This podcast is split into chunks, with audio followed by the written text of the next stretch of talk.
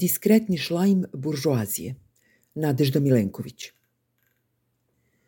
Ne u pravu ste, šlajm nije diskretan uopšte.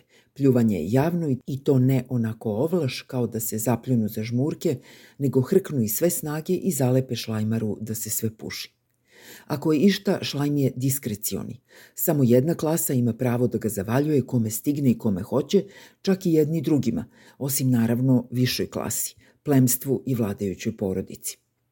A nisu baš ni buržoazija, bar ne u onom nekadašnjem smislu, jer su prvo stekli privilegije po partijskoj liniji, pa tek onda diplome, položaje, funkcije, pare umesto obrnuto. Tako da verovatnije pričamo o nediskretnom šljamu, ali neka naslov ipak ostane zato što ovo jeste priča o šlajmu. I izvinite ako ste gadljivi, jer sledi baš gadan deo, ujedno i najlepši.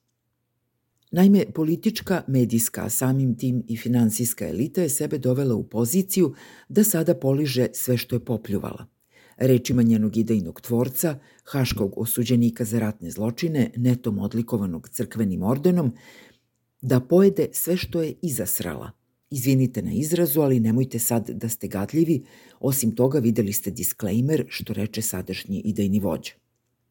Najavu da će sve popljuvano morati da bude polizano dao je predsednik Srbije, kao što obično u svojim subotnjim obraćanjima najavljuje pljuvačine koje potom uslede u njemu podatnim medijima. Da će ovoga puta biti drugačije videlo se čim je počeo sa pesmom Zidareva ljubav, armaturu čupaš iz temelja sreće. Maltene je zapevao evropskim izaslanicima koji su mu izgleda poručili da je deset godina halapljivih krađa i sklanjanja para na sigurno sasvim dovoljna naknada za ono što mora da bude isporučeno. Niste bili gadljivi na pare, rekli su. Nemoj sad da ste gadljivi na lizanje. Nova armatura u međususedskim odnosima, a ne vrbov klin kao do sada.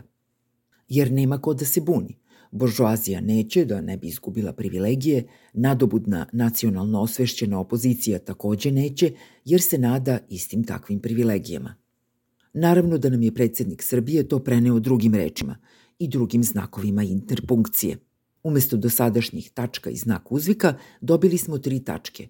Umesto ne dam paradu i ne dam gazivode, nastavit će se i Pride i pregovori sa Kosovom i okončat će se pristankom. Predsednik Srbije je postao popustljiv jer se iznenada setio da u familiji ima nekog, Ana, jel smem da kažem homoseksualca.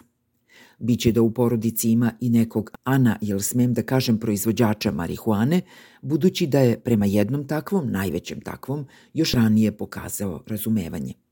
Sad još samo da se seti i nekog Albanca sa Kosova u familiji, pa da se razilazimo.